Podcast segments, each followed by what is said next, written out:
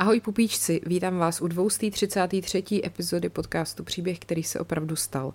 Já jsem Markéta a jak jsem slibovala, tak eh, chci mluvit o třech králích, ale tentokrát na těch biblických, ale odbojářské skupině, která si říkala Tři králové, což se samozřejmě hodí i vzhledem k tomu, že díky filmu Bratři se hodně mluví o mašínech, eh, o, myslím teďka Ctiradovi a Josefovi, ale já chci vlastně vyprávět o jejich otci, Josefovi Mašínu starším, který právě byl součástí tady této skupiny, která, oni si tak neříkali, který se říkalo Tři králové. Uh, pokud byste chtěli tohohle podcastu ještě víc, tak můžete jít na herohero.co lomeno podcast příběhy nebo na forendors.cz lomeno paní královna. Tam jsou bonusové epizody, každý týden vychází dvě, nikde jinde nenajdete. Na obou těch platformách vychází to tež, spíš si jakoby můžete vybrat, která ta platforma vám víc vyhovuje. A teď tam zrovna mám epizody třeba o Napoleonovi a jeho lásce Josephine, protože zase teď je v kinech film Napoleon od Ridleyho Scotta, tak mi to přišlo takový, jakože se to hodí. Taky je tam další epizoda ze série o československých prezidentech, tentokrát o Ludvíku Svobodovi. A taky je tam eh, třeba eh, dvoudílná taková dvoudílný povídání o tom, kdo všechno možná mohl za atentát na Johna Fitzgeralda Kennedyho od kterého teď před pár dny vlastně uběhlo přesně 60 let. Takže je toho dost, jakoby, jo? Tak. A jdeme se vrhnout teda na dnešní téma a to jsou tři králové.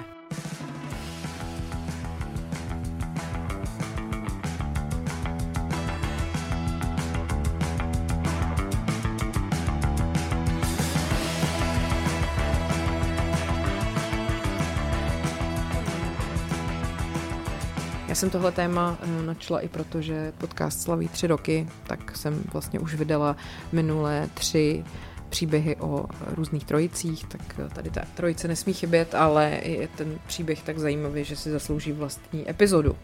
Takže vezmeme nejdřív eh, ty jednotlivý členy tří králů a potom nějak vám se pokusím vysvětlit, jak to celý skončilo. Smutně, bohužel.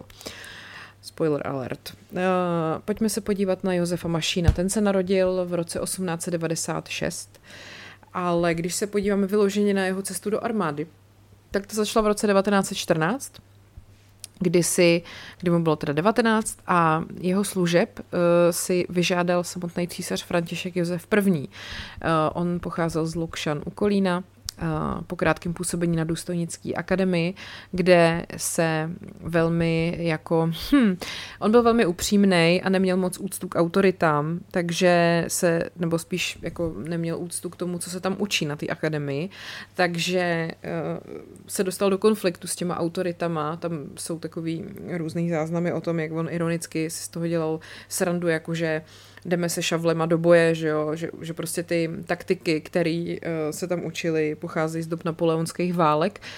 Každopádně on se v květnu 1915 ocitnul na ruské frontě byl vynikající střelec, ale eh, hnedka první noc na frontě dezertoval k Rusům. Tada. Um, ono tehdy Rusové totiž už eh, hned na začátku války Čechy a Slováky zapojovali do bojů proti té rakousko-uherské armádě asi s tím neměli moc práce je přesvědčit. Takže Mašín se stal průzkumníkem u české družiny a hned potom byl vyznamenaný za chrabrost a v roce 1916 byl odeslaný do carské důstojnické školy, kde dokonce přijal pravoslaví a jméno Vladimír Alexejevič. V roce 1917 potom už byl nadporučíkem v bitvě u Zborova a porazil tři rakouské línie, za což dostal svatojiřský kříž. Opět zase zajímavá věc, že vlastně v bitvě u Zborova velel generál Ludvík Svoboda, takže se tam zřejmě eh, s Mašínem setkali. O Svobodovi jsem teďka natáčela epizodu, tak mi to tak napadlo.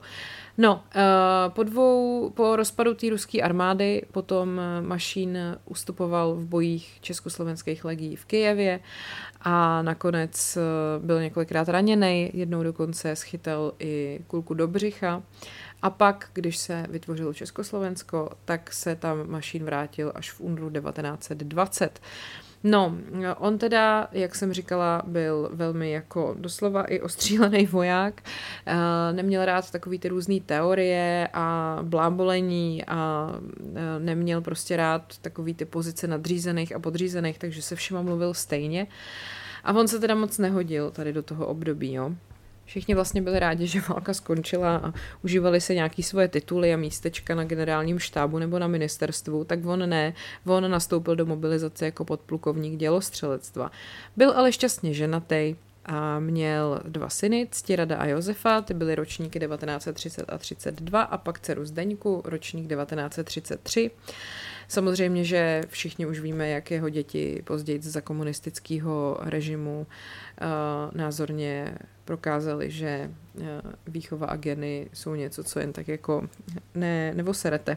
Každopádně, uh, vlastně to, že se postupně obsazovalo Československo Hitlerovým Německem, právě vehnalo uh, podplukovníka Mašína opět do boje, respektive do odboje a to přímo do tajné organizace obrana národa, kterou vlastně založili a vedli bývalí československý důstojníci a on pro ně scháněl zbraně a vyráběl jednoduchý účinný bomby. A dvě z nich dokonce dokázal poslat po svém švagrovi eh, Ctiboru Novákovi do Berlína. Ctibor Novák potom uh, hraje důležitou roli i v příběhu uh, jeho synů, bratří Mašínů. Pokud jste viděli film, hrál ho Václav Neužil. Ctibor Novák každopádně dal jednu z bomb ke zdi policejního ředitelství na Alexanderplacu a druhou pak do výklenku dveří Řížského ministerstva letectva. Ty dva silné výbuchy uh, jako dali rozhodně obyvatelům Berlína nějaký signál a rozhodně minimálně jim bylo jasný, že ten Berlín není tak bezpečný, jak si možná mysleli.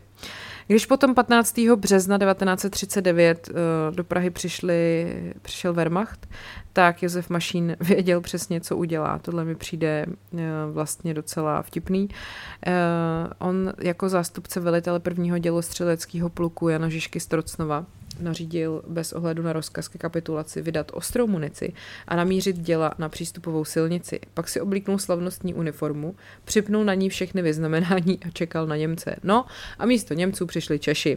Eh, dorazila delegace z generálního štábu, aby mu vysvětlili, že jako žádná jeho válka s Němcema se prostě konat nebude. Dokonce ho měli povalit na zem a fyzicky ho spacifikovali, takže on si strhal výložky a řekl, že s touhle armádou už nechce mít nic společného, když ta posraná armáda s těma Němcema vůbec nechce bojovat. Tak.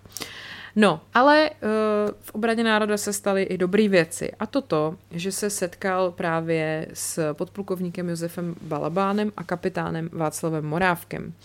A společně založili vlastní odbojovou skupinu, která je do dneška známá jako Tři králové. Já se k tomu dostanu, ale teď se vraťme zpátky a pojďme se podívat na život Josefa Balabána. Ten se narodil 4. června 1894 v obci Obory, nedaleko do Bříše, do rodiny Hajného.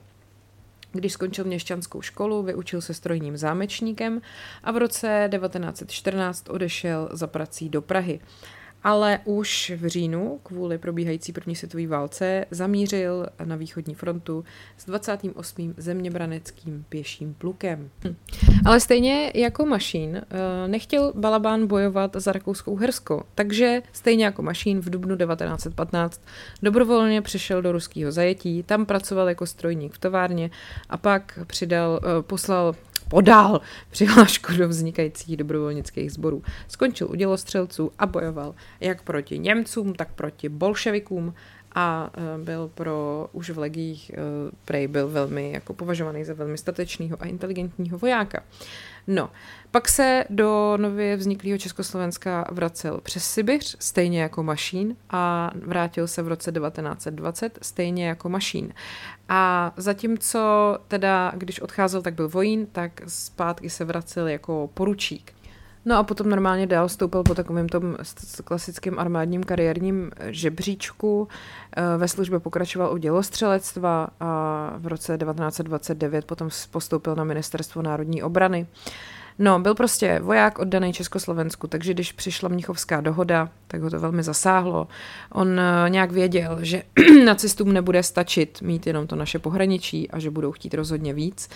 A tak se hnedka od toho podzimu 38 snažil vytvořit nějakou síť spolupracovníků pro případný odboj.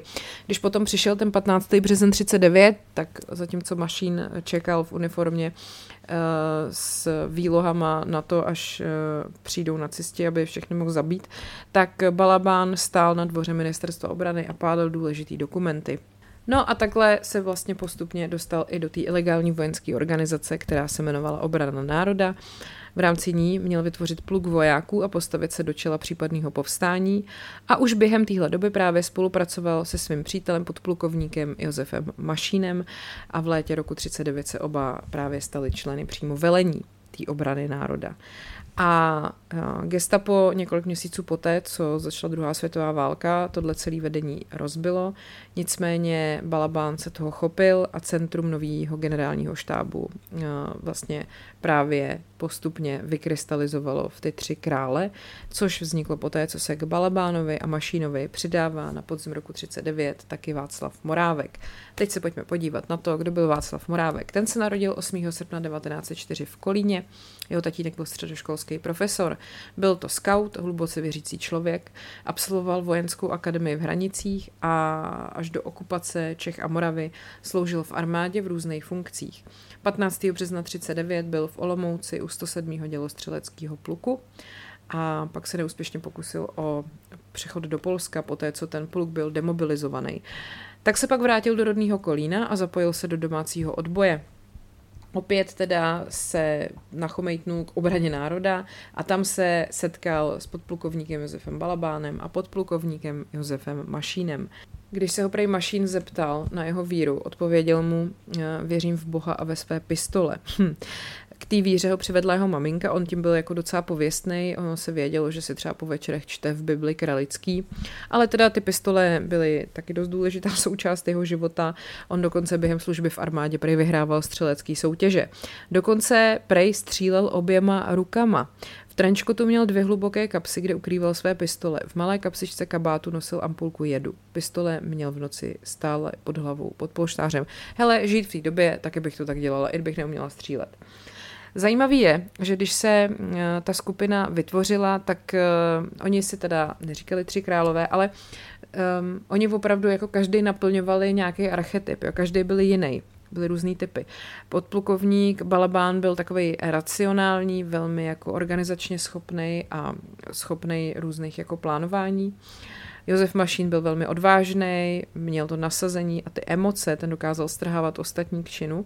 A štábní kapitán Václav Morávek byl něco mezi nima, takový jako mediátor ale uh, emočně uh, měl Morávek blízko právě k Mašínovi a povahou byl spíš jako uh, nenápadnější takový, jo. Takže oni teda uh, se sice tři králové nenazývali, ale to označení dokonce vzniklo prej až po druhé světové válce a ty svý zprávy do zahraničí podepisovali jako muzikanti, což bylo kódové označení vojáků v odboji. Zatímco zpěváci byli civilistí. Civilistí? Civilisté, říká historik Petr Koura z Filozofické fakulty Univerzity Karlovy. No a samozřejmě, že když to nacisti nebo gestapáci zjistili, že něco takového existuje, tak na ně začal obrovský hon. Už v prosinci 1939, takže opravdu chvilku po tom, co oni začali, vtrhlo gestapo do bytu Murávkovy matky v Kolíně, ale on teda stihnul z toho města odejít a pak se skrýval v Praze. Měnil adresy, dokonce jezdil do Jugoslávie pro výbušniny, taky se snažil získávat informace pro zahraniční odboj od předsedy vlády Aloise Eliáše, ale i třeba od obyčejných obyčejných lidí. Jeden husarský kousek se mu podařil, když eh, bezpečně vyvezl z protektorátu Jana Smutka, jemuž eh, bylo v patách několik stovek policajtů kvůli tomu, že zabil německého strážmistra. Balabán se stal eh, takovým strategem odbojové zpravodajské služby a zastupoval vojáky při jednáních s dalšíma ilegálníma skupinama, takže spojoval vlastně všechny hlavní nekomunistické organizace toho domácího odboje. A pomocí telegrafu a korespondence taky komunikoval s prezidentem Edvardem Benešem a vlastně ministrem obrany Sergejem Ingrem, který byli ta exilová vláda v Londýně a myslím si, že jeden z nejznámějších kousků Tří králů bylo zorganizování pumových výbuchů na území Německa v Lipsku, Mnichově a Berlíně. Při této akci v únoru 1941 na berlínském nádraží vlastně jeden náhodou unikl smrti uh, Heinrich Himmler, protože jeho vlak byl kvůli poruše odkloněný jinam. Tři králové taky zakládali požáry v továrnách, házeli výbušniny uh, do tendrů s uhlím, čímž zničili desítky lokomotiv, dokonce se jim dařilo ukrývat výbušniny ve vagónech s uhlím. A I Balobán, stejně jako Mašín a Morávek, měl smysl pro humor, i když teda on neměl, on nebyl tak emočně založený. Takže uh, třeba oni jako mu ze srandy říkali Führer, jo, Mašín s Morávkem, protože byl takový jako klidnější než oni. Uh, jeden, jedna z historek popisuje, jak eh, se potenciální zájemce o zapojení do odboje vyptával na Balabána a to netušil, že s ním Balabán přímo hovoří. A ten se z něj dělal legraci. Balabán to je nějaký divný člověk, byl to divoch už v legích, neberte ho vážně. Jakože haha. Ha. Uh, pak třeba Jiná odbojářka vzpomínala na Morávka, když přišel do bytu. Já jsem Morávek, znám vás podle jména, nebojte se mě. Vypadám sice jako gestapák, ale nejsem gestapák. No, takže eh, prostě Morávek nenápadný, mašín emotivní, balabán racionální, ale všichni měli stejnou motivaci a stejný odhodlání. A to bylo samozřejmě nějaká jako lojalita k tomu, k té první republice, k tomu Masarykovi, eh, k tomu, v čem jako dospívali a to, za co oni bojovali jako vojáci celý svůj dosavadní život. Uh, Samozřejmě, že jsou jako oblíbený takový ty historky o tom jejich mm, jako furianství, že třeba když Morávek musel rychle opustit jeden prozrazený konspirační byt, tak ještě stihnul v něm pro gestapo nechat lístek s nápisem polipte mi prdel, jo? A napsal to uh, nejdřív německy a pak hezky česky. A myslím si, že úplně nejznámější kousek jeden jejich je s cigaretou, to jsme se snad možná učili i ve škole, že Morávek přišel do hospody, kde seděl gestapák Oskar Fleischer, který byl nasazený přímo na tři krále a nechal si od něj, vlastně od jeho doutníku připálit cigaretu. A pak Fleischerův nadřízený, šéf pražského gestapa Hans Ulrich Geške, dostává dopis, kde je napsáno Oskare, ty bídáku, vsadil jsem se s mašínem a balabánem, že si od tvého doutníku zapálím cigaretu, vsadil jsem se o tisíc korun a oznamuji ti, že jsem sásku v úterý vyhrál. Zanech týrání českých lidí, nebo ti to přijde draho. Víme o tobě a pomstě neujdeš. Na to nezapomeň. No a taky vymýšleli právě různý netradiční způsoby té sabotáže. Jak jsem říkala, když měli tu výbušninu, tak ji maskovali jako uhlí a dokázali to dostat do těch lokomotiv. Eh, vrcholem jejich činnosti opravdu byly ty atentáty v Berlíně, a pokusili se i o ten atentát na Heinricha Himmlera, což teda bohužel nevyšlo. No, v březnu 1941 potom ještě tři králové navázali spojení s Londýnem prostřednictví svojí vlastní vysílačky Sparta 2, ale bohužel pak gestapo začalo utahovat smyčku a jako první byl zatčený Josef Balabán. On měl v Davicích schůzku v lékárně se svým známým lékárníkem Otakarem Šítkem, ale tam uh, za ním přišel chlápek, který ho uh, už jednou viděl a bylo to tak, že Balabán měl až jako prej chorobnou touhu celý ten odboj propojovat a to právě pro něj bylo osudný, protože ten chlápek byl ve skutečnosti konfident gestapa a měl Balabánovi prozradit nějaký důležitý informace pro odboj, jenomže to zatýkací komando už čekalo připravený. Takže proběhla nějaká přestřelka na dnešní evropský a 22. dubna 1941 byl Balabán zraněný a zatčený ale pak samozřejmě přišly brutální výslechy, ale prej nic neprozradil. Ten konfident, který vlastně na něj byl nasazený, se jmenoval Antonín Nerat. Když teda Balabán byl mučený, ale nepodlehnul a díky různým dezinformacím vlastně navíc získal čas pro Mašína a Morávka. Jo, takže super. Když potom bylo vyhlášený staný právo po nástupu Heidricha, Josef Balabán byl odsouzený staným soudem k trestu smrti a 3. října roku 1941 byl v výzdárně kasáren bývalého dělostřeleckého pluku v Praze Ruzini popravený. V roce 1946 byl potom in memoriam povýšený do hodnosti plukovníka, a v roce 1947 potom do hodnosti brigádního generála a v květnu 2005 potom do hodnosti generál majora. Jo, takže takhle to skončilo s Josefem Balabánem. Pojďme se podívat, eh, jak to bylo s těma dalšíma. Kromě toho, že sabotovali úplně cokoliv, co Němci mohli nějak jako potřebovat, uh, taky vlastně měli takového jednoho československého tajného agenta A54 přímo v německé spravodajské službě, který měl teda jméno uh, Paul Timmel a jeho hlavní činností vlastně, nebo teda hlavní činností tří králů bylo právě předávat zprávy od toho Timla do Londýna pomocí vysílačky. Jenže ta vysílačka byla velká jako kráva, těžká jako lednice a to se stalo osudný Josefu Mašínovi. Protože uh, gestapo se, řekněme, zlepšovalo a už na jaře 41 tu vysílačku dokázali zaměřit s přesností několika bloků domů. Takže v podvečer 13. května 1941, když se vysílalo z Morávkova tajného bytu ve čtvrtém patře v ulici pod Terepkou, což je dnešní Čiklova 19 v Praze Nuslích, zabušilo na dveře gestapo. A aby Václav Morávek a radista František Peltán měli čas vysílačku zničit a případně uprchnout oknem, tak se mašín rozhod, že se tomu komandu postaví se zbraní v ruce. Překvapuje to někoho? Ne. Řítil se na chodbu, střelil kriminálního tajemníka Georga Myškeho do břicha, dalšího příslušníka gestapa do hlavy a pak teda bohužel sám jednu kulku dostal pak se porvali s několika dalšíma gestapákama a jemu se podařilo vyklouznout. To prostě nepochopíte, oni to fakt mají v krvi ty lidi. Chtěl se Uh, jako skočit opatro níž, ale zlobil si nohu, která se mu zaklínila v zábradlí. Byl těžce raněný, klouzal po schodech další dvě patra. Nakonec ho střelili do boku a další kulku dostal do stehna. A potom teprve, když, nebo takhle, pistoli z ruky pustil až ve chvíli, kdy mu gestapáci prostřelili zápěstí. No a zatímco on prostě takovýmhle neuvěřitelným způsobem za, zadržoval celý to zatýkací komando, tak Morávek s Peltánem se snažili uprchnout. Um, ten zadní dvorek, skrz který se to mohlo stát, byl 10 metrů pod oknem, takže museli skočit.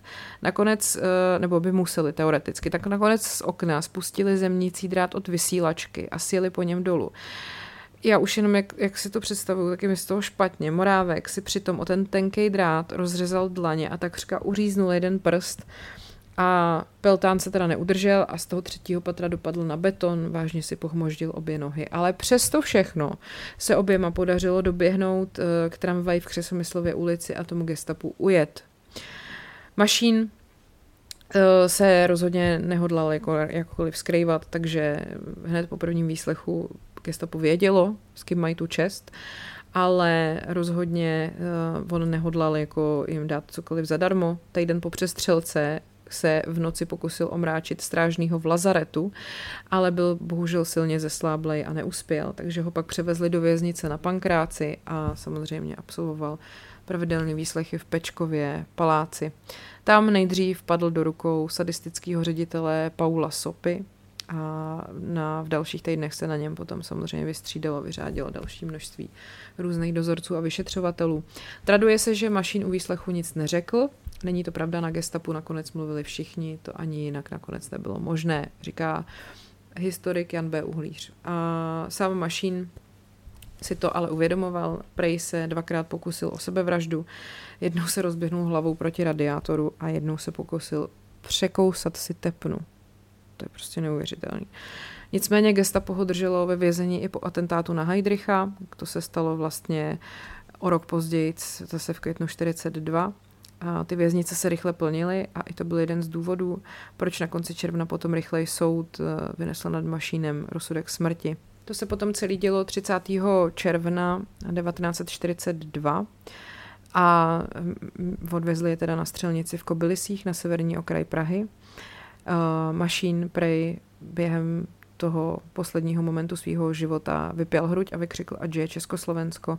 A spolu s ním toho dne v 1930 popravili dalších 72 českých vlastenců, včetně třeba Františky Plamínkový, o který mám taky jednu bonusovou epizodu.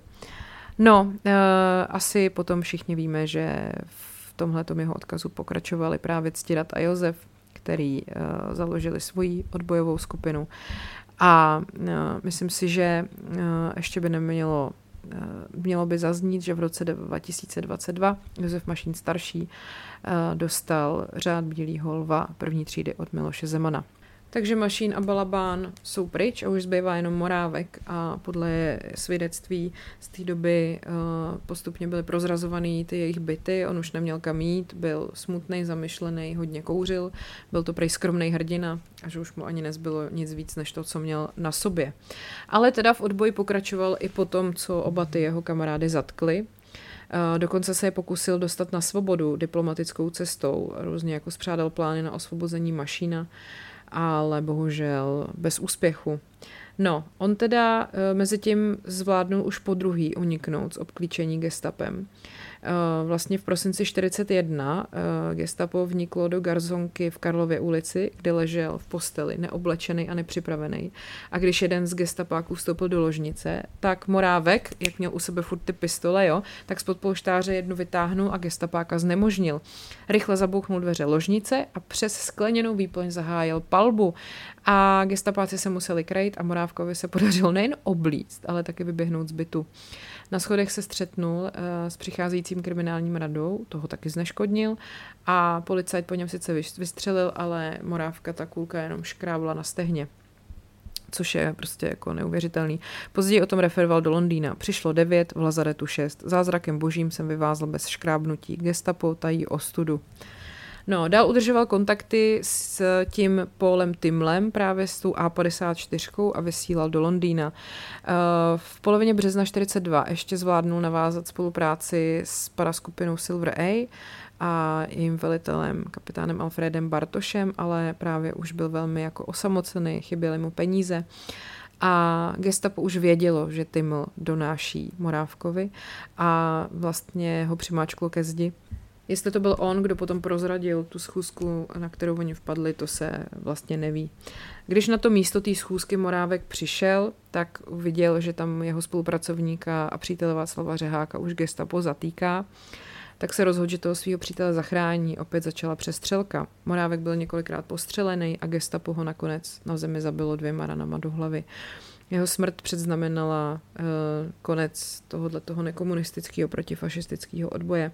Když bych to vzala čistě chronologicky, tak vlastně jako Morávek zemřel dřív než Mašín, protože Mašín byl uh, v tom vězení rok, než ho v těch kobylisích zastřelili. Takže 21. března 42 Morávek a 30. března 42 Mašín a takhle definitivně vlastně skončili tři králové.